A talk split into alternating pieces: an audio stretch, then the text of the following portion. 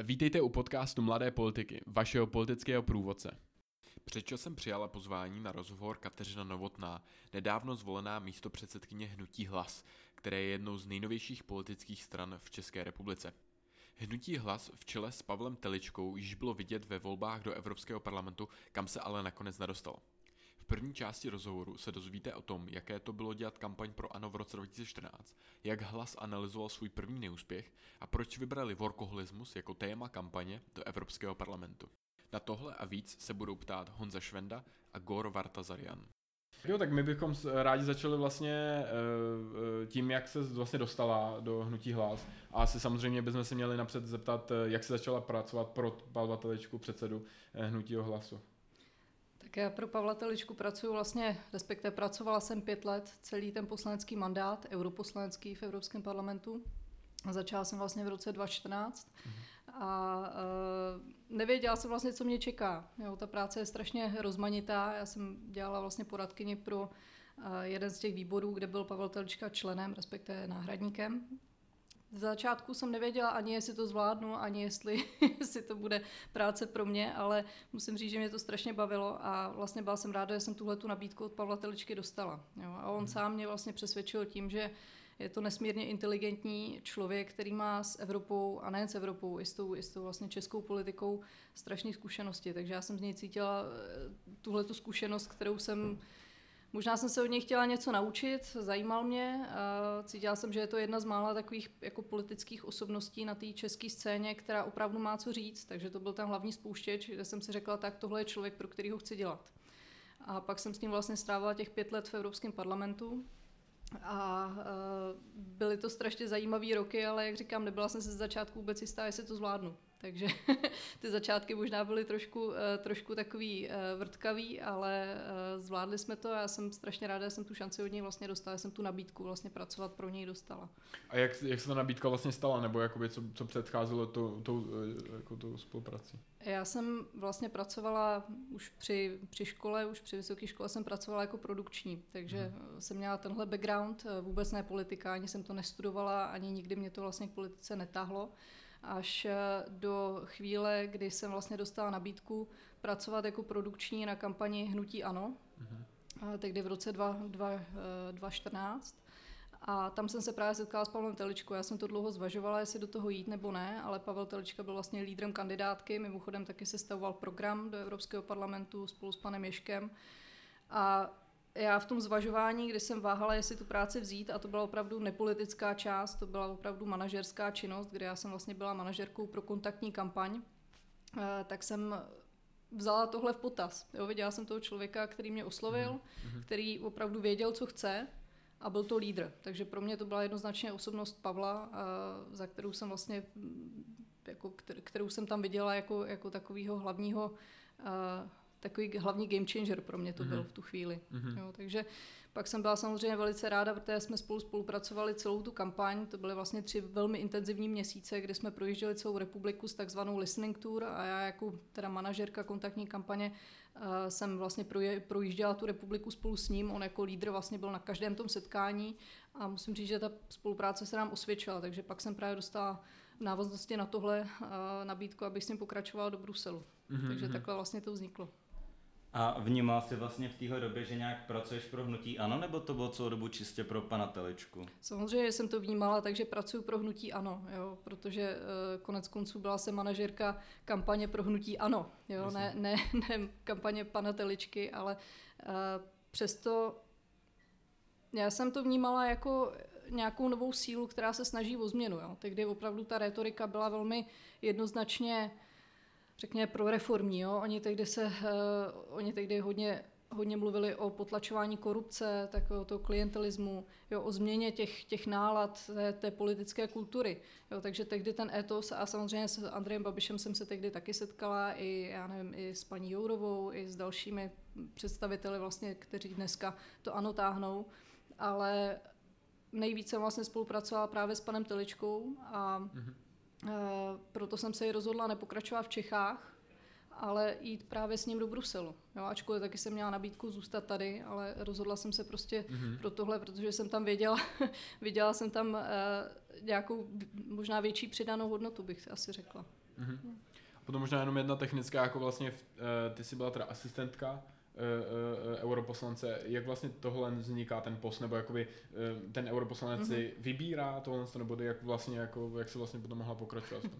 ono, těch europoslanců, těch 751, nebo v tom, v tom předchozím mandátu jich tady bylo 751, každý ten europoslanec má vlastně nárok na tři takzvané asistenty.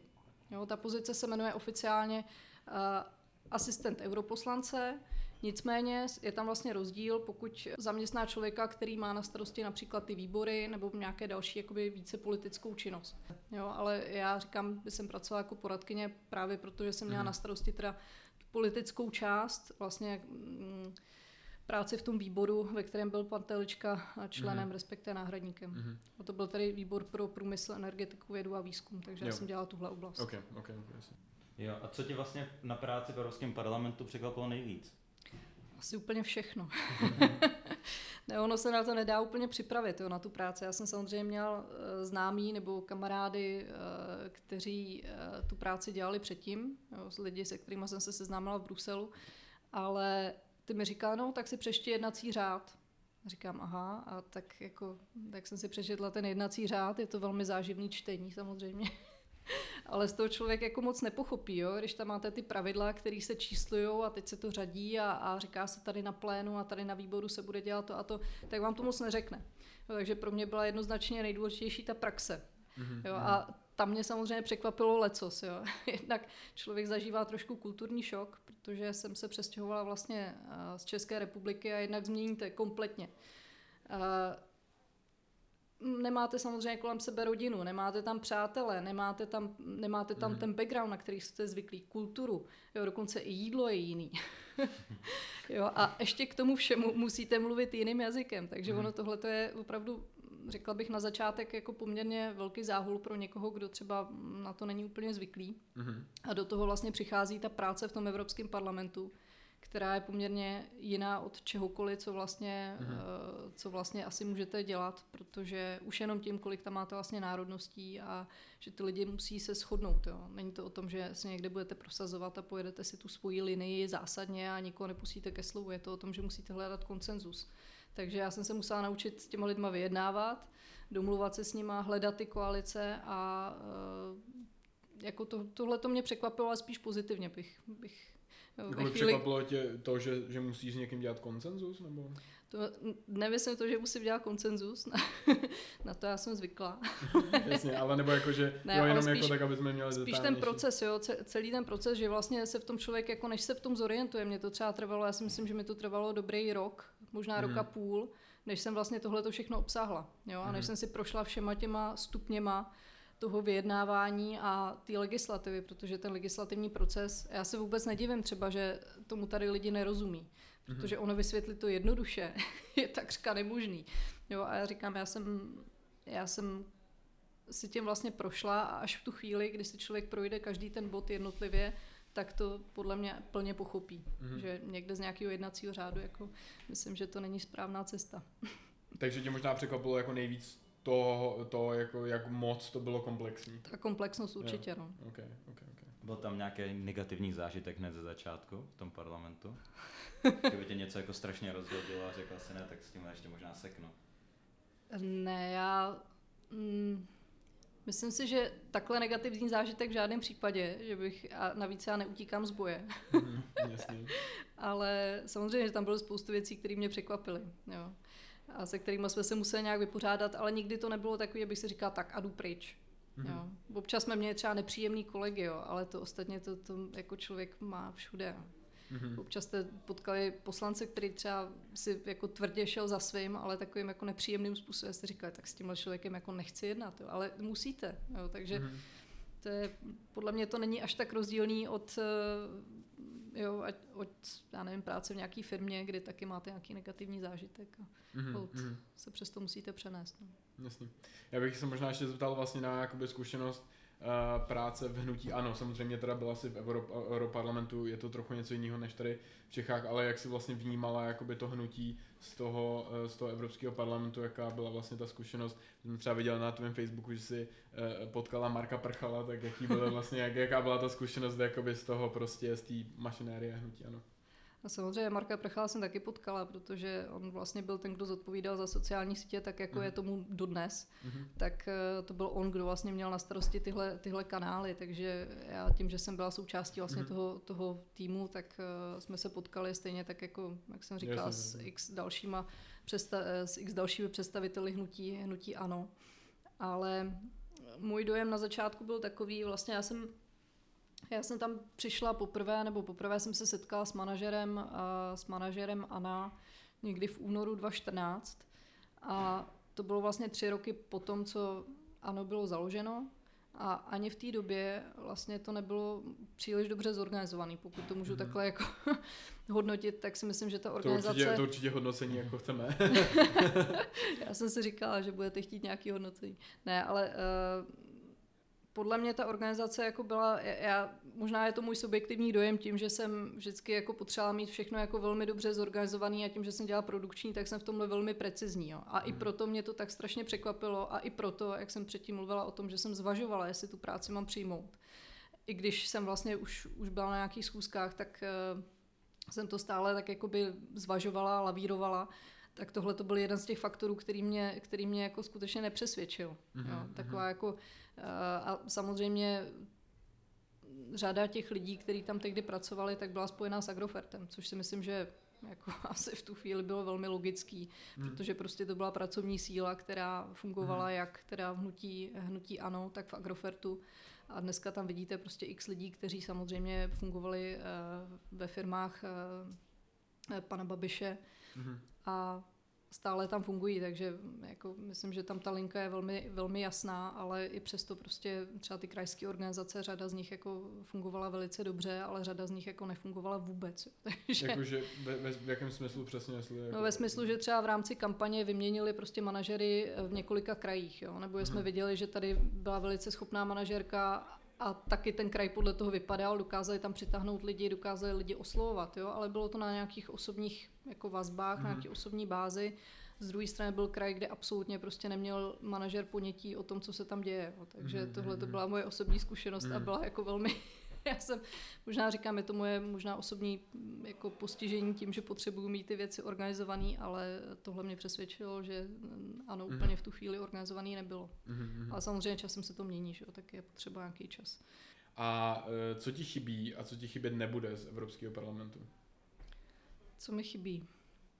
Jak samozřejmě jako chybí mi kolegové, jo. chybí mi strašně to mezinárodní prostředí, na který mm. já jsem si zvykla, a který mám ráda a který prostě umožňuje nějakou zajímavou výměnu názorů.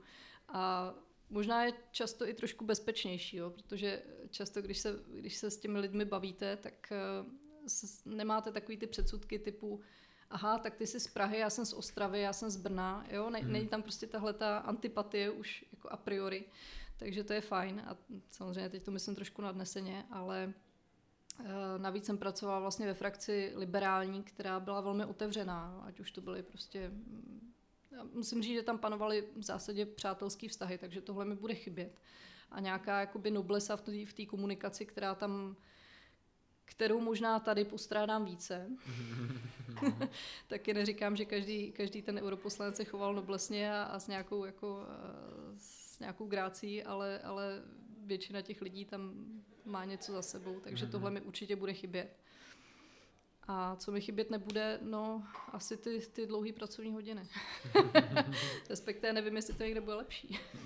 A doufám, že jo. Takže hnutí hlas bude taková jako procházka růžovým sadem pro tebe. No růžovým určitě, ale... to je vlastně pravda, no, modro-růžovým. Ka- každopádně v růžových tričkách. Jasně. Ne, to, to, to si nemyslím, určitě na tom bude spoustu práce, ale uh, já si časem předpokládám, že se najdu nějakou, nějakou uh, jako řekněme, standardní práci a mm-hmm, okay. myslím si, že ze začátku ty dlouhé pracovní hodiny jsou asi všude, ale... Jasně, jasně. No a na tohle jsme se vlastně e, ptali z důvodu, že teda hlas neuspěl v minulých eurovolbách, takže se nevracíš do e, Evropského parlamentu. Hnutí hlas získalo 2,38%. E, tak, by jsem, tak bychom se vlastně rádi teď přesunuli k těm eurovolbám samotným. A vlastně, kdyby si ty měla možnost dát čas zpátky a říct sama sobě nějakou radu před začátkem kampaně pro hlas do Evropského parlamentu, co by si sobě řekla? co bych sobě řekla? Já to možná trošku obrátím. Já bych asi nemluvila k sobě, ale k panu, k panu Teličkovi a k, k pánům zakladatelům, protože uh, já si myslím, že naší obrovskou nevýhodou bylo, že jsme začali pozdě. Jo, my jsme samozřejmě, když člověk jde do evropských voleb, tak tomu věří. Jo. A my jsme, já, já musím říct, že já jsem tomu věřila. A věřila jsem prostě, že uspějeme, že ten projekt má šanci a hlavně věřím těm myšlenkám, jo, tomu, co, co chceme prosazovat. Takže tohle je důležitý faktor, ale uh, i přesto prostě my jsme začali strašně pozdě. Mm-hmm. Jo, my jsme začali vlastně 19. března, jsme odevzdávali vlastně registraci hnutí a pak si můžete spočítat, kolik, kolik dní je to do voleb. Jo. A musím říct, že tohleto, my jsme si díky tomu vlastně nedostávali ani do prvních průzkumů, který byly.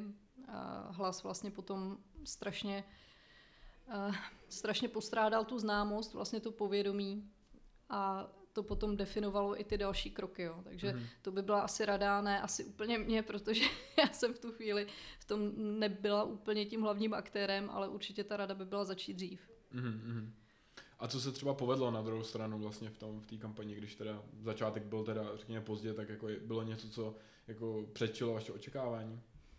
Já si myslím, že nakonec, jako, když jsem si zpětně analyzovala, samozřejmě říkám, když do toho jdete, tak věříte tomu, že uspějete, že těch 5% dáte, ale i přesto, když jsem to potom analyzovala a i když jsme se o tom bavili s kolegy, tak vlastně my to vnímáme pozitivně. Jo, a já sama to vidím jako vlastně velký úspěch, že my jsme dokázali za tři měsíce, vlastně necelý, dotáhnout eh, těch 2,38%, což je v podstatě stejný výsledek, jako měli Piráti po třech letech existence. Jo. My mm-hmm. jsme to dokázali za tři měsíce.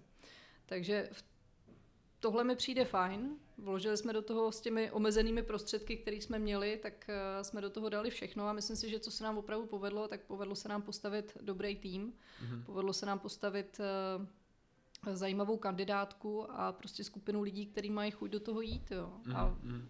ukazuje se, že to je prostě ten největší, jakoby, když to řeknu, hodně nadnese tak největší dar, jakoby, jaký můžete mít, jo? ten lidský mm. kapitál a to, že někdo má chuť se na něčem podílet a že prostě sdílí vaše zásady a vaše, vaše myšlenky. Kolik vás bylo v takovém týmu těch, jako to, to, toho jádra té kampaně třeba? Tak my jsme, my jsme hodně sázeli na, uh, jednak jsme hodně spolupracovali s kandidáty, jednak pak jsme měli, takže to máte těch 21 lidí, mm. že jo?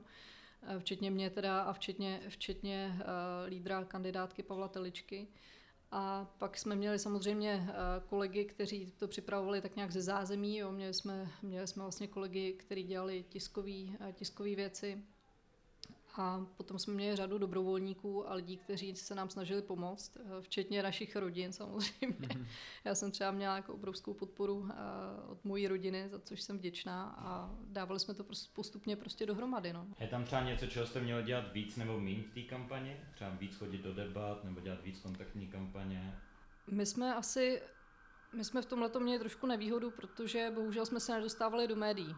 Jak jsem na začátku mluvila o tom, že jsme vlastně nebyli v těch prvních průzkumech, tak to nám potom ubralo hodně, protože pak samozřejmě ty média na základě toho zvali do debat a tak dále. Jo. Potom třeba Česká televize uh, tu velkou debatu vlastně vedla jenom s těmi, s těmi eh, parlamentními, parlamentními stranami, takže to je zase úplně jiný formát a my jsme prostě bohužel ten přístup měli velmi stížený. Jo. Samozřejmě nebudu mluvit o tom, jaký je tady mediální prostředí, takže to, byla, to je samozřejmě další, další faktor. A my jsme se do těch médií opravdu, zvlášť v posledních jakoby, dnech té kampaně, kdy ty lidi se začali probouzet a začali vnímat, že, nějaká, že budou nějaké evropské volby, tak jsme se prakticky nedostávali. Mm-hmm. Což si myslím, že nám jakoby uškodilo. Z druhé strany eh, měli jsme měli jsme možná trošku vsadit, my jsme hodně sázeli třeba na sociální sítě a na, na uh, internet jako takový a to si myslím, že, že možná jsme měli trošku rozdrobit, jo? že mm-hmm. možná ta komunikace měla být strukturovaná trochu jinak. Mm-hmm. Ale myslím, že jsme se poučili pro příště a hold je to vždycky nějaká sázka na nějakou kartu a buď to vyjde, nebo to nevíde. Mm-hmm.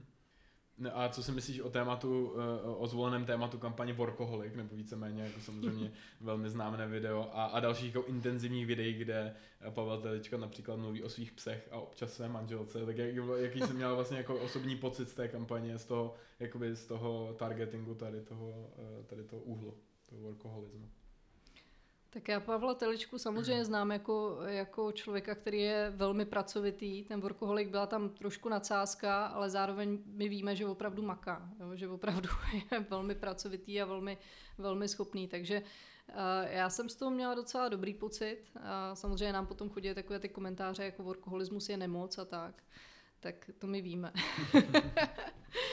ale uh, říkám, byla v tom část nadsázky, ale zároveň část teda míněná, míněná naprosto vážně. A spíš tam měl zaznít takový ten, mělo tam zaznít to, že máme ty zkušenosti, jo, což my jsme to potom říkali vlastně tím sloganem 28 let prosazuji zájmy České republiky, tak to byl vlastně ten náš jako ten hlavní cíl. Jo. Mm-hmm. Opravdu to, co jsme se snažili těch pět let dělat eh, v Evropském parlamentu, tak eh, prosazovat, prosazovat zájmy. Teď jsem si vzpomněl, že tam vlastně byl i ten graf, kde bylo, co všechno vlastně pan Telička udělal v tom parlamentu a ty tam bylo, že vypl něco kolem 375 litrů čaje. Takže ta nadsázka tam byla vidět určitě. Ale jak se přišlo na ten pojem jako workoholik? Nebo kdo, kdo s tím přišel a proč vlastně workoholik? Nebyla jsem to já. ne, byla to, byla to marketingová agentura. My jsme samozřejmě hmm. měli marketingovou agenturu na, na volby. E, I v tom krátkém čase vlastně myslím, že to ani, ani jinak úplně nešlo. Takže tohle to byl nápad, vlastně, který přišel od marketingu a my jsme to nechávali trošku uzrát, uležet, jestli teda je to správná cesta nebo ne. Nakonec jsme řekli, no vlastně jo, proč ne? Jdeme do toho a pak jsme, pak jsme samozřejmě ty slogany trošku obměňovali. Jo. Byly tam samozřejmě, že pak v rámci té kampaně musíte mít nějakou zásobu těch, mm. těch sloganů trošku širší, že s workoholikem si pak člověk nevystačí, že? no možná podle definice by měl, ale jasně. No, jo, jasně, jasně. A ta stejná agentura přišla s tím názvem Hlas? Nebo to už ne, vymyslel ne, ne. pan Telečka? Ne, to vymyslel, to vymyslel pan Ježek mm. s přispěním. Jo. Není to nějaká zkratka náhodou? Nebo ne, je to... Není to zkratka, je to prostě hlas. Je to mm. prostě hlas. Chtěli jsme, aby to byl náš hlas, váš hlas, hlas lidu. Mm-hmm. Takže to, je, to není žádná zkratka, ale opravdu hlas. Jasně. Um, a v čem tě kampaň překvapila, teda, když se zase u toho překvapení, tak uh, jakoby bylo tam něco, co vlastně už si měla jednu kampaň za sebou teda s hnutím Ana, mm. tak vlastně jestli tahle byla jako v něčem výrazně jiná, nebo jako ještě tě něco překvapilo třeba?